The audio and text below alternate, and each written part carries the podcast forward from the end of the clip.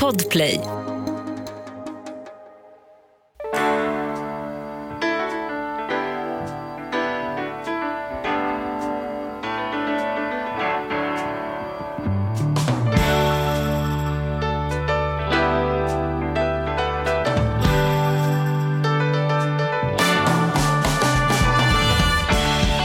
Hej och varmt välkommen till Ekonomi på riktigt med Charlie och Mattias. Det känns som att vi träffar varandra varenda dag nu för tiden. Ja, det är ett jädra hängande Det är nu. väl underbart? Ja, Jag, jag tror att vi har liksom, sen vi var då i våras, maj någonstans, Mm. så var vi i Toscana ihop. Och sen efter det är det som att vi liksom aldrig kom ifrån varandra. Liksom. Men Det, det- har men- varit gemensamma kalas och födelsedagsfester. Ja, Och, just det. Ja. Och, men det, det har vi inte pratat om, men det gick ju bra. Det var liksom en ny, Toscana var ju då liksom ett litet nytt test. Vi har ju liksom kört en natt i er sommarstuga, ni har haft sommarpoddar och sådär. Men, men, eh, och nu har vi gjort här Örebro-quizrundor och sådana saker. Men det var ju flera dagar som vi hängde liksom dygnet runt. Mm. Det, kan man ju, det är inte alla kollegor som klarar det utan att det blir ändå Nej, lite vi gnissel. det. Nej, precis. Vi, Mm. vi, det där är ju så eftersom vi inte normalt ses så ofta. Mm. Så är det ju verkligen att sätta liksom, kamratskapen på prov när man liksom Mm. tillbringar veckovis under i princip samma tak. Mm. Liksom så.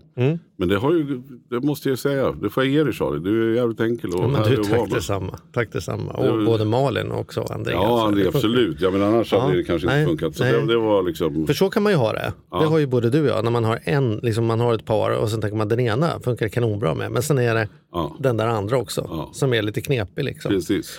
Och det går ju bra en kväll. Men tre, fyra dagar då börjar det tära på en. Att den där Min, knepiga min, eh, precis, min gamla moster som inte lever längre, hon Mm. sa alltid på tredje dagen börjar gästen lukta. Jaha, just det. Och det, det, det, det ligger någonting i det Mm. Ja. faktiskt, man har, när man har vänner och sådär. Det, är liksom, det är skitbra med två dagar, liksom, två, men sen, På den tiden jag var fastighetsmäklare då var det ju en sanning att direkt efter eh, jul och nyår då kommer det ut en jävla massa nya objekt nu svåra. På, på, därför att helt plötsligt har man hängt med släkten och man har hängt med varandra. Och då skiljer man sig när man helt enkelt behöver titta på varandra en vecka och konstatera nej, nu får det fan vara bra med det här. Och det är väl också så liksom efter semester. Man kommer hem efter semestern så har man delat husvagn i två veckor. Och då, då kommer man till den här punkten att ska det vara så här nästa sommar? Nej, det, det ska det fan inte vara nästa sommar. Så då dyker det upp massa villor till försäljning och sådana saker. Så det kan hålla utsikt nu. Nu kanske dyker upp en villa i Gamla Enskede som aldrig är till salu för Ja, att familjen har... men en som jag faktiskt vet, Mm. eh, som jag, en av våra gäster som aldrig har luktat Nej, någonsin. nej. Som, som är liksom, eh, Ja, för han har gjort mer än tre dygn här han har gjort mer, tid. effektiv tid så han har gjort mer än tre dygn och det har vi inte känt någonting. Utan tvärtom så får man bara en jävla, man blir på gott humör och får en jävla fin boost på något sätt. Jo, jag Eh, fick en kram och kan också intyga att han rent konkret Ja, han luktar fräsch. gott. Han fräsch. luktar gott. Ja, det gör han. Ja, han Dålig radio, men eh, skitsamma. Här kommer han, Arturo Arquez.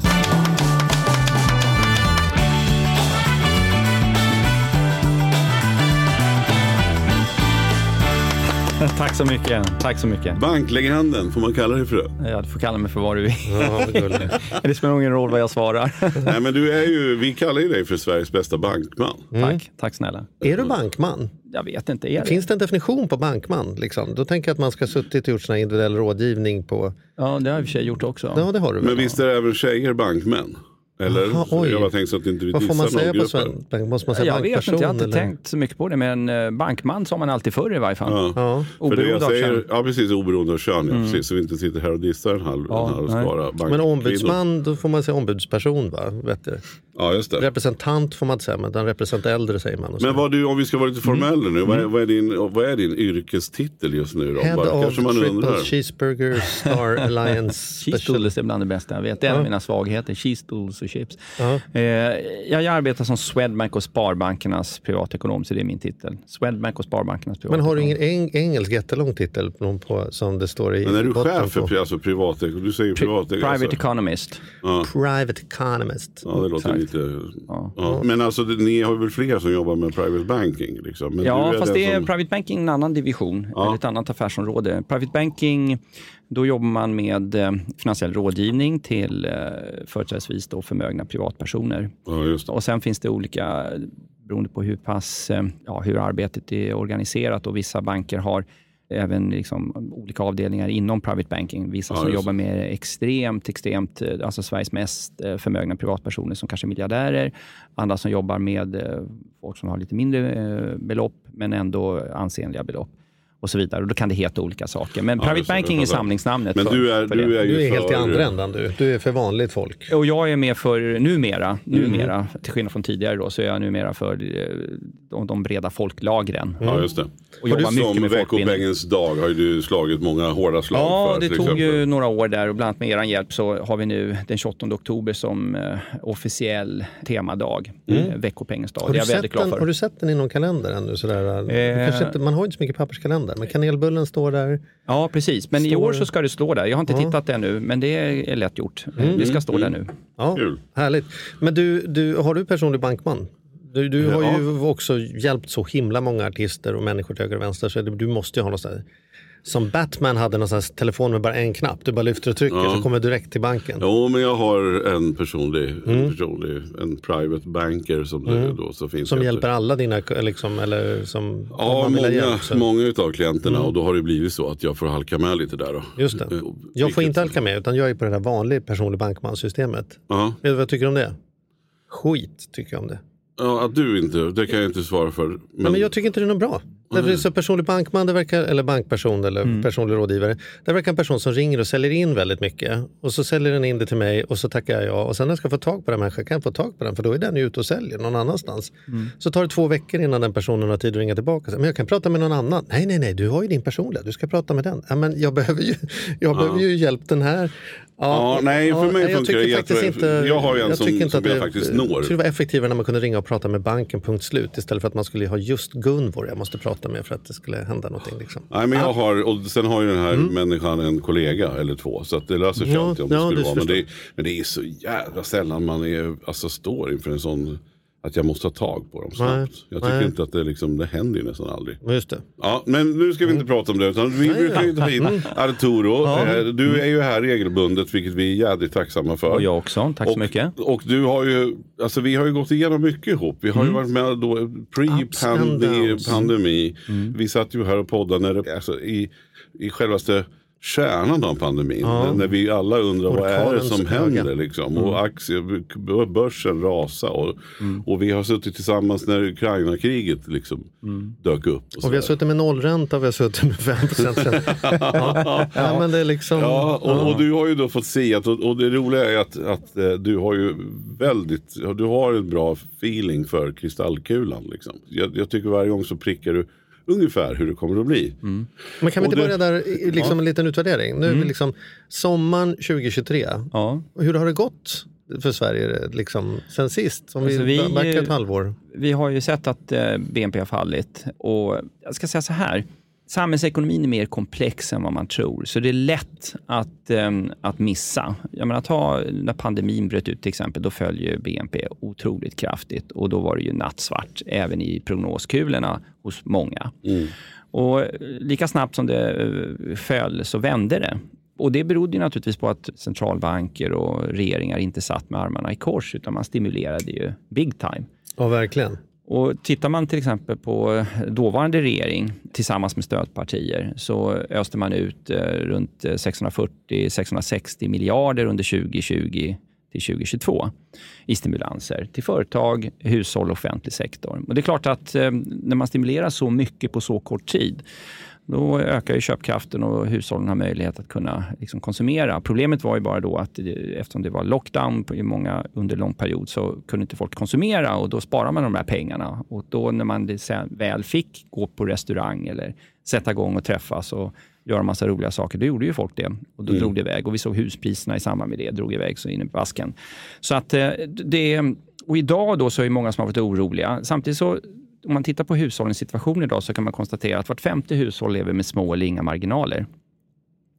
Vilka är de? Ja, det är arbetslösa, studenter, de som lever på sjuk och aktivitetsersättning, ensamstående med barn. Och eftersom två av tre som är ensamstående med barn på heltid är kvinnor så är det många gånger då kvinnor som är ensamstående. Och utöver det här då, då någon grupp till i samhället. Då. Men de här människorna, de har ju alltid levt med små marginaler. Mm. även innan pandemin och innan kriget i Ukraina. Så en femtedel av hushållen lever med små marginaler och har i stort sett alltid gjort det. 80 procent av hushållen lever ju då omvänt då med goda eller mycket goda marginaler. Och så är det än idag. Inte lika goda marginaler som för ett år sedan, men fortfarande med goda marginaler. Ta men, villaägaren, ett exempel bara. Villaägaren som eh, efter att boendet och nödvändiga levnadskostnader är betalda, de har idag runt 15 000 kronor kvar i plånboken varje månad efter att boendet och nödvändiga levnadskostnader är betalda. Och för ett år sedan så, så var det kanske 5 000 kronor mer. Men vi har ju fortfarande 15 000 kronor kvar och det kan man leva rätt gott på. Så att Många hushåll har goda eller mycket goda marginaler och det är därför vi ser att fortfarande folk kan gå på restaurang. Men det är många som känner ändå, du säger så 15 000 kvar. Mm.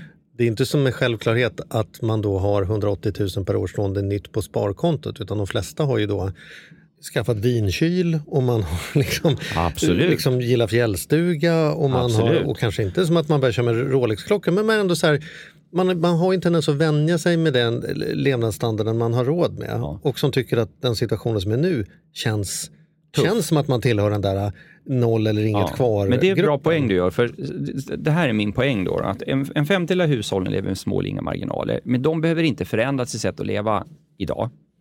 För, för de, de, har alltid haft stor, det så här. Nej, för de, de, har aldrig haft, de har aldrig kunnat gått på, åka mm. till Mallorca till exempel, mm. eller gå på Espresso House eller Wayne's Coffee eller vad det nu är för någonting. Ja, Så att, och de här 80 procenten då, det är ju de som åker till Åre, de kanske åker också till Mallorca och de går på restaurang då och då, går på mm. bio då och då och så vidare. Det kan de inte göra på samma sätt idag. Mm. Så de som får ställa om, det är ungefär 65-70 procent av hushållen. För de här, en annan grupp som inte har nämnt då, det är de här 10 procenten av hushållen som, som lever som om ingenting har hänt. Som mm. har väldigt, väldigt goda marginaler. Mm. Så 20 procent har små eller inga marginaler och 10 procent lever på som ingenting har hänt. Och resten, då 65-70 procent av hushållen, den breda medelklassen, de får ju nu ställa om. Och det jobbiga är att under mina 35 år i finansbranschen har jag aldrig varit med om liksom att köpkraften har fallit så mycket för så många på så kort tid.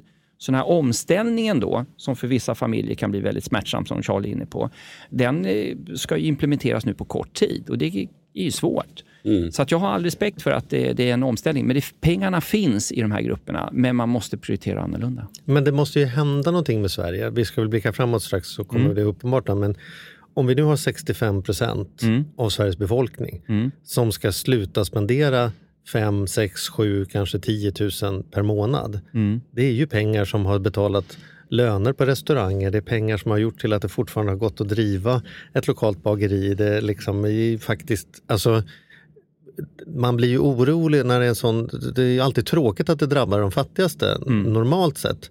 Men å andra sidan så har ju de, slår inte så hårt på, följdverkningen blir inte så hård för samhället i sin helhet. nu känns det ju genuint obehagligt när en sån stor grupp har slutat handla som ändå har gjort mycket av den här tillväxten under, under så många år. Mm. Och, och, hur hamnade vi, innan vi blickar framåt, hur mm. hamnade vi här? Därför att det tjatas ju alltid om att det är Miljöpartiets fel därför att vi har tagit bort eh, liksom, så mycket el så nu har el blivit så dyrt. Och mm. det är Putins fel därför att eh, spannmålspriserna har blivit så höga. Mm. Och sen ibland ska det vara ICAs fel också då, för att de har slagit på på purjolöken. ja. Men, men det, det, du var inne på först som vi mm. tycker pratar väldigt lite om det är ju att det är mycket som jag då, min mm. killgissning, politikernas fel som helt enkelt eh, dopade systemet för mycket. Vi var ju väldigt många som gick ganska oskadade finansiellt sett ur en situation där det var två, två och ett halvt år, när hela samhället mm. gick i bästa fall på halvfart. Det borde ju ha märkts mer då, att folk inte hade råd att handla. Mm. Är det den baksmällan, har jag rätt i att påstå att det är ganska mycket att vi körde för hårt då med dopinggrejer som vi betalar för snarare än att det är Putins fel? Liksom. Eller? Jag skulle svara så här att det är alldeles uppenbart att vi har ett konsumtionssamhälle. Eh, jag menar, en stor del av ekonomin bygger ju på privata konsumtionen. Mm. Halva tillväxten och halva BNP beror av den privata konsumtionen. Så att den privata konsumtionen är viktig. Samtidigt så som alltid bland ekonomer då, finns det olika uppfattningar. Men jag har ju pratat länge om att hushållens höga skuldsättning är ett problem, ett bekymmer. Det finns många ekonomer, tidigare i varje fall, kanske inte lika många idag, men tidigare, som har tyckt att det där är inget problem. Det är, visst, för något enskilt eh, hushåll kan det vara ett problem, men, men för, ur ett samhällsekonomiskt perspektiv är det ingen risk. Jag har ju varit av en annan uppfattning och det ser vi ju nu också. Vi har, enligt The Economist, så är hushållen i Sverige de mest räntekänsliga i hela OECD. Och det är vi av två skäl. Då. Ett, väldigt högt skuldsatta. Vi är inte de mest... OECD, berätta. Så Ja, de länderna inom OECD-länderna då, Mm. de här 26-27 länderna var med. Ja. Eh, Så, så, så, så Tyskland, Frankrike, Spanien, Italien med flera. Då. Mm. Vi jag tror jag vi är nummer två eller nummer tre när det gäller skuldsättning. Vi är bland de absolut mest högt skuldsatta då, i- och samtidigt som har I relation till tillgångarna? i relation till tillgångarna Mm. och även i relation till, eh, till, till årsinkomst och såna här Mm. saker. Så att vi är högt skuldsatta oavsett hur man än räknar. I Mm. absoluta tal och relativt sett också. Det är det ena. Och det andra är att vi har en väldigt hög andel rörlig ränta på våra bolån till exempel. Mm. Och det är klart, är man högt skuldsatt, då blir man väldigt räntekänslig. Och det är klart, går räntan upp då, då så försvinner ju den här köpkraften som Charlie var inne på då, då, väldigt snabbt och väldigt mycket då, då om man är högt skuldsatt. Och Det här stryper ju då annan konsumtion, precis som du var inne på. Vi kan inte köpa kläder i samma utsträckning, vi kan inte gå på restaurang, vi kan inte och det ena och det andra. Då, då. Och eftersom vi vet allihopa, alla ekonomer vet att den privata konsumtionen står för halva tillväxten och halva BNP. Och har man den här höga skuldsättningen och har den här höga räntekänsligheten, så kommer ju då i händelse av att inflationen stiger och räntan med den, innebär att eh, en stor del av den här privata konsumtionen som går då till annat liksom stryps. Därför att det går i första hand numera till banken då, då för att betala eh, bolåneräntor och konsumtionskrediter. Men är inte det ett tillfälligt problem med tanke på att om vi, om vi hänvisar att vi har en inflation på 10% som anledning till att räntan är högre. Mm. Det betyder att 10% av mitt bolån försvinner ju varje år. Så Mm. ger det tre år så ska ju rimligtvis Sverige inte vara en av de högst Mm. skuldsatta länderna längre därför att allting annat blir dyrare. Bolånen är ju ett absolut tal. Det är ingen som skriver upp dem med inflationsvärdet varje år. Så att jag menar, Men då är en motfråga då, vad betalar du räntan med? ja, Med inkomsten? Ja. Stiger den i samma takt som inflationen? Ja, över tid är väl tanken ändå att den ska Ja, göra men det. inte just nu. Nej, så det är tillfälligt gupp. Så i liksom. den här transformationsfasen, det är klart, inflationen har den fördelen av att den inflaterar bort lånet. Det är riktigt. Men du ska ju överleva fram till dess också. Och vid de här hastiga rörelserna som vi har sett då med en kraftigt stigande inflation på kort tid, så hänger ju inte löneutvecklingen med. Det är därför vi hushåll tappar i köpkraft.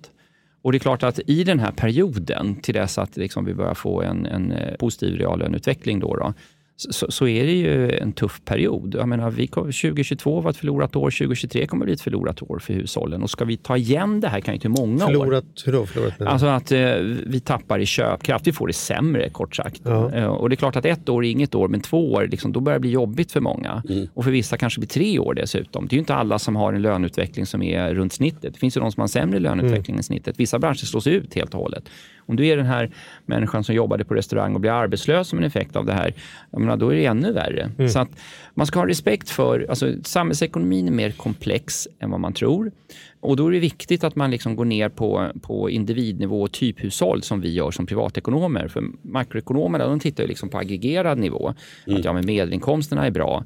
Skuldsättningen generellt sett, visst den är hög men den är inte eh, liksom, den är hanterbar. Men sen går man ner på individnivå och så ser man att vissa grupper i samhället har det ju väldigt, väldigt tufft. Och nu är det ju den breda medelklassen som har drabbats och får ställa om sin ekonomi kraftigt.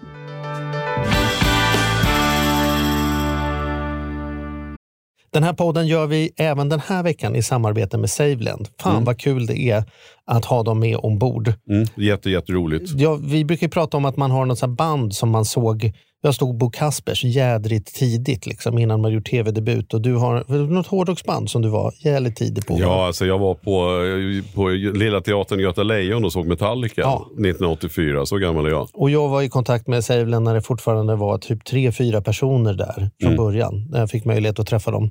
Eh, och nu är de ett stort bolag, fyller tio år, finns på börsen och jobbar helt enkelt med att vanliga privatpersoner och företag kan investera pengar eh, i eh, lån och krediter. Så man får riktigt bra ränta. Så eh, det rullar på efter tio år, bättre än någonsin. Fantastiskt kul att ha dem med här i podden. Gå in, testa, kolla. Vi har en kod som gör att om du öppnar ett konto och använder på riktigt får du dessutom en insättningsbonus just nu. Precis, och vill man veta mer så som sagt gå in på saveland.se. Man kan också lyssna på Ludvig som har varit gäst i vår podd två gånger. Då får Ja. man en ännu bättre inblick i Ja. vad, vad det är de pysslar med egentligen. Men eh, ja, saveland.se och stort tack. Ett poddtips från Podplay. I podden Något Kaiko garanterar östgötarna Brutti och jag, Davva, dig en stor dos skratt. Där följer jag pladask för köttätandet igen. Man är lite som en jävla vampyr. Man har fått lite blodsmak och då måste man ha mer. Udda spaningar, fängslande anekdoter och en och annan arg rant. Jag måste ha mitt kaffe på morgonen för annars är jag ingen trevlig människa. Då är du ingen trevlig människa, punkt. Något kajko, hör du på Podplay. Därför är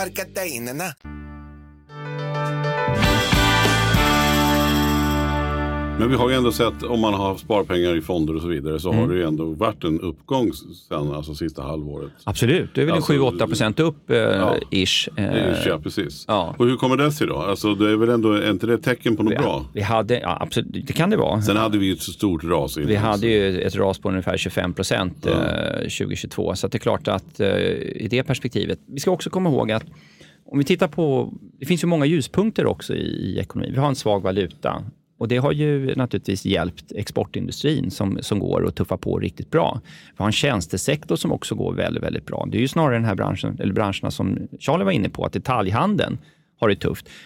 Vitvaruförsäljningen och eh, tar vi elektronik när det gäller till exempel hemelektronik har ju också fallit kraftigt. Så att vissa branscher har ju drabbats oerhört hårt medan andra sektorer i eh, ekonomin går, går faktiskt bra och kanske rent utav riktigt bra. Och det här ser vi ju på börsbolagen.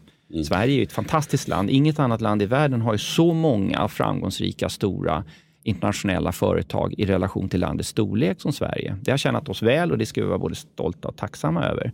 Och nu med den svaga kronan så finns en fördel med det. Men det är klart att det finns ju massa nackdelar. Den svaga kronan gör ju då att allt vi importerar blir mycket dyrare. Så att vi importerar ju en hel del av den Ja inflationen. men det har ju varit dyrt att vara för Mallis i sommar. Extremt dyrt för de som har haft råd att åka dit, absolut. Och det kommer att vara dyrt även eh, för den som åker här i höst eh, liksom utomlands. Så att, Och vi har dessutom fått lära oss, eftersom vi hade en, en pilotexpert här, att Mm.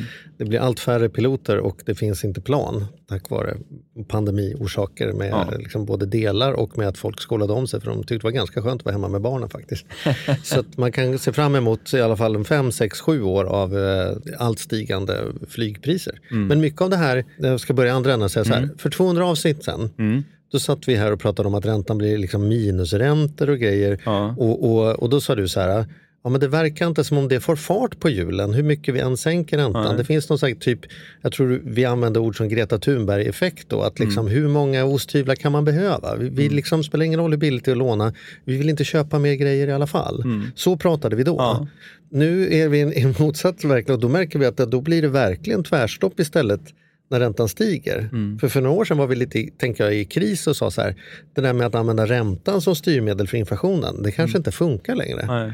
Verkar det funka åt andra hållet då? Ja, det tror jag. Eller det är jag övertygad om att det gör och det ser vi ju redan nu att det gör. Att eh, många får ju ställa om kraftigt och vi ser vissa branscher som tappar ju massa omsättning och lönsamhet just därför att man har inte lika många kunder som, som eh, Och det är ju, det är ju meningen då på något sätt. Det är meningen. Priset på pengar är räntan och genom att höja och sänka priset på pengar, det vill säga räntan, så kan man höja och minska aktiviteten i ekonomin. Och nu vill man ju strama åt för att få ner den här inflationen. Och det kan jag säga till er, hälften av hushållen i Sverige har inga bolån. Det ska vi inte heller glömma bort. Och hälften av de som har bolån, de 50 procenten som har bolån, hälften av dem har ju små eller måttliga lån. Så att det är ju kanske en fjärdedel av hushållen som drabbas hårt av eh, de stigande bolåneräntorna. Men det vi pratar om här är ju ändå så här, saker som färre kommer flyga till Mallis. Mm. Vi köper inte lika mycket nya kläder. Vi behåller saker längre. Ja. Vi, vi liksom vaktar på sparandet. Det- här är ju det som klimatet har drömt. Det, det är ju exakt den här omställningen vi har tjatat om att vi måste göra. Mm, det det, här, det här kanske liksom är Det är en sak att en göra- undangömd gudagåva här. Att vi får medelklassen att sluta grilla så jävla mycket och åka till Thailand så jävla mycket.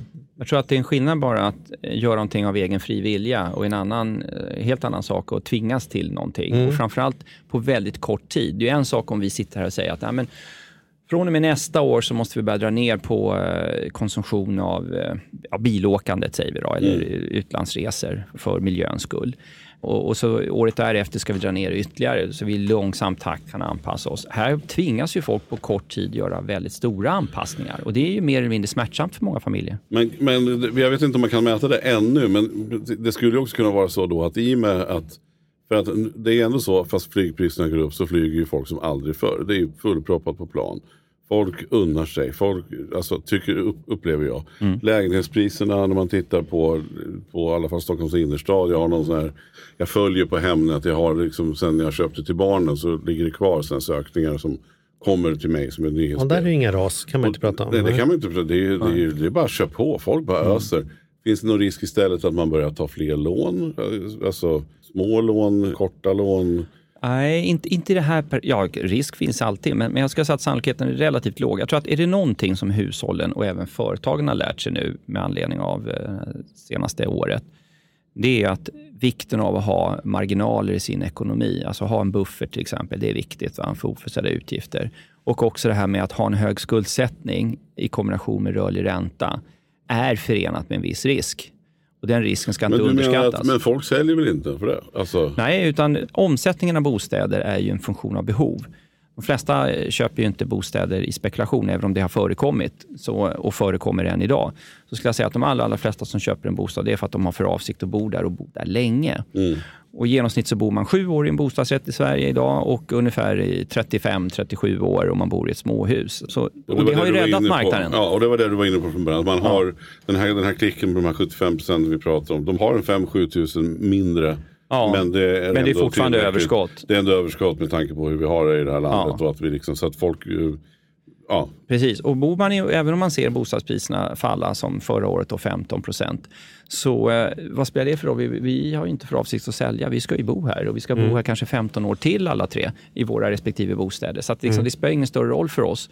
Men det finns ju alltid de som påverkas som av olika skäl hade tänkt att sälja eller måste sälja. De finns ju alltid. Precis som det finns en möjlighet som uppstår då för de som har bott i en hyresrätt då, som kommer in betydligt billigare nu.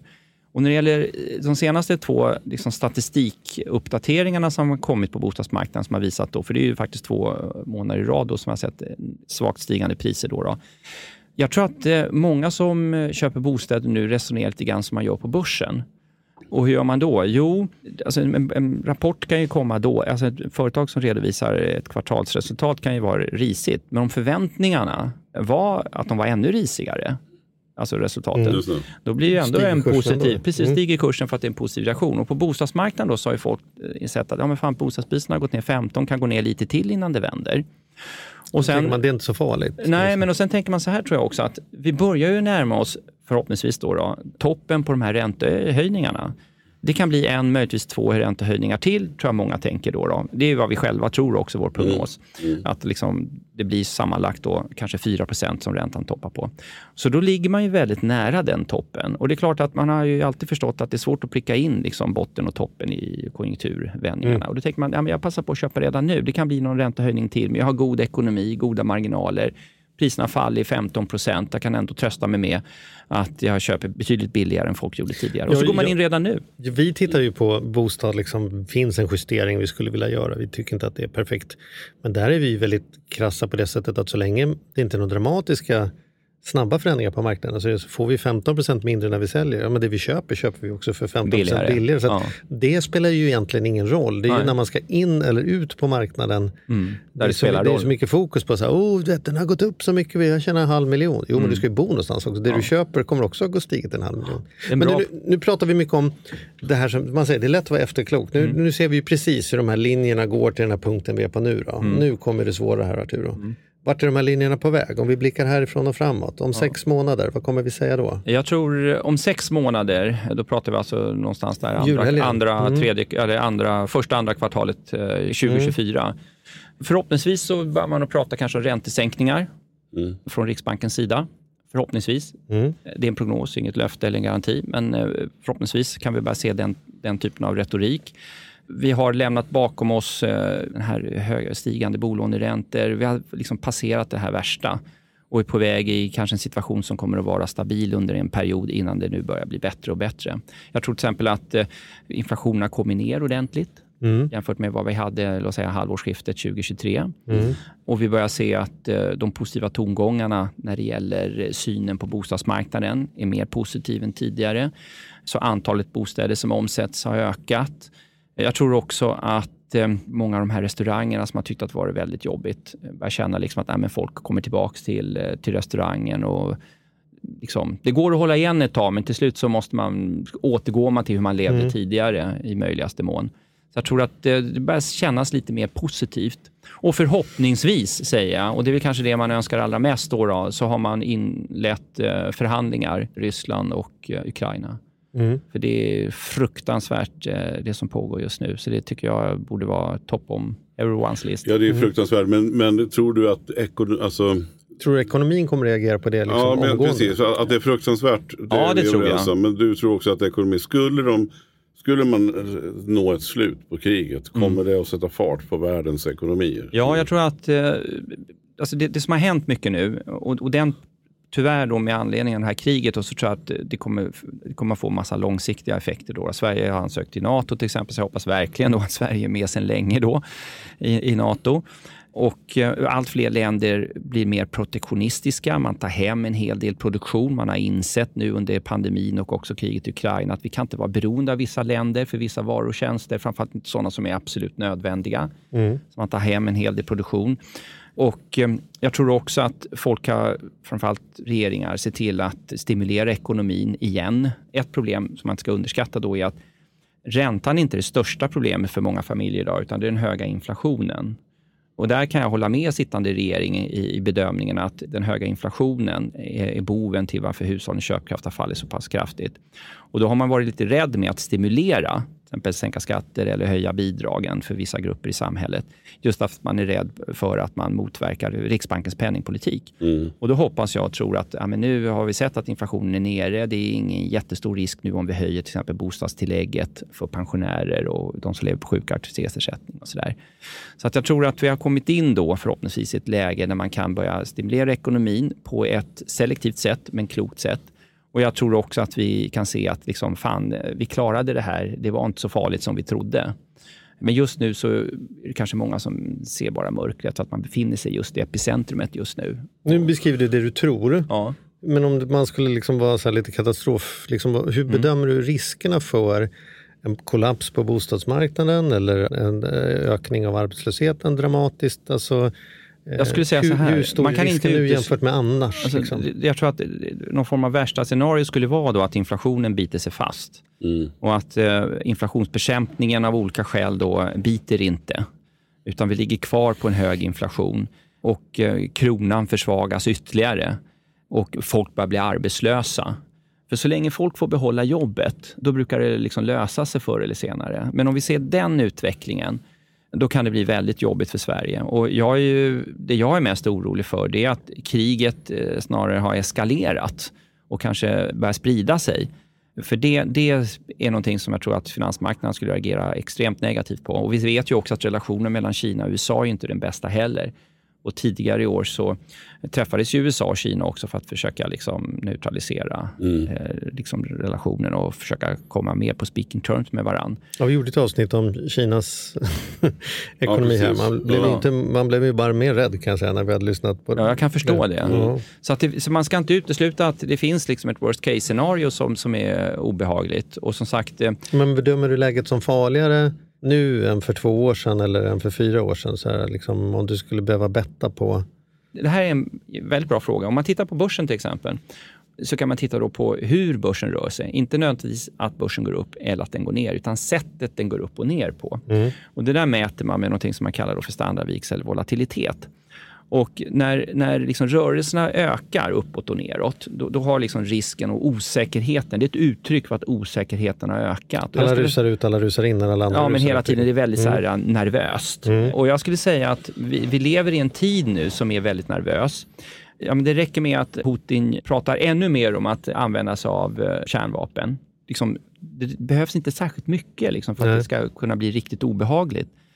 Samma sak det här med inflationen, om det visar sig att inflationen biter sig fast eller att kronan helt plötsligt, ingen vill ha kronor och kronan faller ännu mer, den har ju fallit jättemycket redan då kan Sverige och svenska hushåll då pressas och då blir det väldigt, väldigt jobbigt. Och har vi dessutom då inte bara en ekonomisk kris utan vi har då också en, en liksom politisk, eh, militär, alltså krig i Europa. Så klart att det finns ju alla de här ingredienserna som behövs för att det ska bli riktigt, riktigt jobbigt. Men någonstans så hoppas jag tror att att människor vill väl och att eh, konsekvensen då av att eh, kriget till exempel eskalerar är så otroligt kostsamt och negativt att det är liksom ingen som vill hamna Alltså, där. ingen, vill, ingen vill dit. Men jag tyckte vi, för att avsluta här nu, Mm. så tyckte jag ändå det var fint. För du var ändå positiv när du fick Ja, gissa. jag- Så jag är positiv. gr- Grunden var ju, det första du sa var ju ändå att du tror att det kommer vända där. Du tror att inflationen kommer gå ner. nu var vi inne på worst case. Jag tycker vi stannar på best case. Eller kanske mer rimligt case. För det är ju ungefär där du var. Liksom, Ja. Vad som är rimligt. Och då tänker jag så här. ko- Kommer även liksom börs och annat. Vad, vad, vad, hur ser du utvecklingen på folk som sparar? Alltså på Mm. fonder och på börsen och räntor och sådär. Hur, hur ser du där? Jag tänker för, för Jag tror man kan, eh, för de som ligger på börsen nu, bara så att det är sagt en gång för alla då, då att som, som investerare på börsen, eller som investerare överhuvudtaget, så ska man tänka framförallt på två saker. Va? Och det är risken, det vill säga ens riskvilja och sparhorisont. Och har, ligger man, liksom, har man placerat sina pengar i enlighet med, med eh, sin riskvilja, det vill säga man, man har inte tagit mer risk än vad som motsvaras av riskviljan, och man har en lång sparhorisont, då, då tycker jag att man kan ligga kvar på börsen. Jag gör det. Jag ligger kvar på börsen och skulle börsen falla eh, eller krypa neråt så skulle jag passa på att köpa. Men ligger jag med för hög exponering idag, ja då har man ju inget val. Då får man ju dra ner risken. Men som sagt, ligger du med rätt risknivå, Men om du är kvar i din första där, vad, vad du tror. Tror du också att, det, att närmsta året så kommer det liksom fortsätta ticka lite uppåt? Nu har vi Ja, sett jag tror att- Slutar halvåret 7-8 procent har vi Ja. sett sista halvåret Ja. från ett ganska stort ras. Då, då. Men Ja. nu har det ändå tickat sakta men säkert Ja. ändå får man säga. Hur, hur, Med hur- reservation för utvecklingen av kriget i Ukraina då, då så Ja. skulle jag säga om, om det ligger på ungefär samma nivå och man dessutom har börjat prata lite fredsplaner, i alla fall kommit närmare den punkten, Mm. så, så tror jag att vi kommer stå högre, ännu högre. Inte mycket högre, men, men eh, Inte lika mycket till. Eh, nej, inte så mycket, mycket till. För jag tror att i det korta perspektivet så är det oroligt. Så det kan backa Mm. ner några procent också. 5-6 procent är ingenting konstigt om det skulle backa innan det går upp igen. Mm. Men jag skulle inte bli förvånad om börsen kommer stå något högre. Så att, att vi slutar året med plus 10 procent skulle inte förvåna mig eh, alls. Däremot om det skulle sluta med minus 20 skulle jag bli väldigt förvånad. Eller om det skulle sluta plus 20, då skulle jag bli väldigt, väldigt förvånad. För det här är ju intressant. Jag har ju genom åren har ju vi både 300 avsnitt sen och 10 år sedan och alltid sen så har ju jag alltid, har vi ju liksom både till kompisar och vänner och, och, och officiellt uttalat oss om att det är läge och, all, och många har ju lyssnat och man har ju fått rätt. Men sen var det ju just, vi hade, hade några kompisar som för ett år sedan, lite drygt ett och ett halvt år sedan, sålde och downsizade och fick lite pengar över. Och jag sa placera i börsen. Och så var, det liksom, har man fått några sura samtal efter det. Men, men, men det gäller ju att hänga i. Och det vill jag, måste, jag, jag vill skicka med lyssnarna. Att Ja. låt över tid, ska du vara med så kan du inte hoppa in och ut. Utan Nej. då ska du snarare köpa om det är så att det går ner då. då Ja. Om du har pengar. Men, men det är ju över tid måste man komma ihåg. Och nu har det ju där snart repat sig. Så Jag att- tycker det är ett bra att, eh, uttryck. Håll i och håll ut, tycker jag är liksom budskapet i det här läget. Håll i och håll ut. Men ska du vara på börsen så eh, måste du vara långsiktig. Kan du inte avvara pengarna i sex år ska du inte vara där. Utan var långsiktig, håll i och håll ut. Och som sagt, eh, många av bolagen går väldigt, väldigt bra. Bankerna är lönsamma i Sverige. Många exportföretag går fortfarande väldigt, väldigt bra. Så att det är fortfarande generellt sett god lönsamhet bland många av våra bolag. Jag tycker jag ser det. Alltså jag har ju lärt, lärt mig att se lite grann på det. Hur- Om du ser orolig ut inte. Men jag kan berätta för lyssnarna att jag, jag tycker att du, att du, att Jag är du inte då ser, orolig. Du ser inte orolig ut. Nej, Du, det du jag ser ganska cool ut. kan vara någon Ja. sommareffekt, men han ser avslappnad ut i alla fall. Det jag säga. Precis så. Nej. Ja, och jag nej, är men- snarare på köpsidan än säljsidan. Så att Ja. jag, eh, jag skulle utnyttja eventuella nedgångar under hösten. Jag gillar Det att Arturo har blivit som ett väderfenomen. Sådär. Jag, jag tittade på Arturo och jag kan konstatera att prognosen för kommande Ja, sex jag månaderna ser det. god ut. Därför att jag, som, jag har, som jag har tjatat om tidigare, det har jag sagt i någon podd, efter det hände så, så satt ju vi här på domedagen nästan i pandemin. När det verkligen slog till och du hade med dig Dagens Industri och, och tittade och du, du sa fan, ja, nu vet du fan alltså det här med då den slog till pandemin. Ja, det avsnittet kan du leta upp om du vill tionde- höra en lite mer darrig. Ja, det var ju någonstans runt den 10 Ja, den var 20 obehaglig. mars där eh, 2020. Eh, Så, ja. Men, men vad, vad, men då vad trevligt. Och då vi har vi vecko, veckopengens dag att se fram emot. Ja, det är ja. en bit kvar men vi kanske Ja, får ja. anledning att Ja, studsa in hoppas jag där igen. verkligen. 28 Ja, oktober, viktigt Ja. datum. Perfekt. Mm. Och sen så får vi helt enkelt önska de som har lite kvar på sommaren en fortsatt bra sommar. Och så ses vi snart igen. Jag hoppas jag. Grymt stort tack för att du kom. Det jag som tackar. Alltid lika Tack härligt snälla. här. Tack snälla. Tack.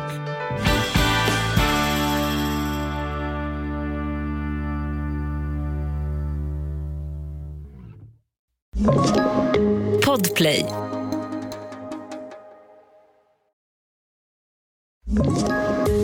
Poddtips från Podplay. I podden Något Kaiko garanterar östgötarna Brutti och jag, Davva, dig en stor dos skratt. Där följer jag pladask för köttätandet igen. Man är lite som en jävla vampyr. Man har fått lite blodsmak och då måste man ha mer. Udda spaningar, fängslande anekdoter och en och annan arg rant. Jag måste ha mitt kaffe på morgonen för annars är jag ingen trevlig människa. Då är du ingen trevlig människa, punkt. Något Kaiko, hör du på Podplay. Därför är gardinerna.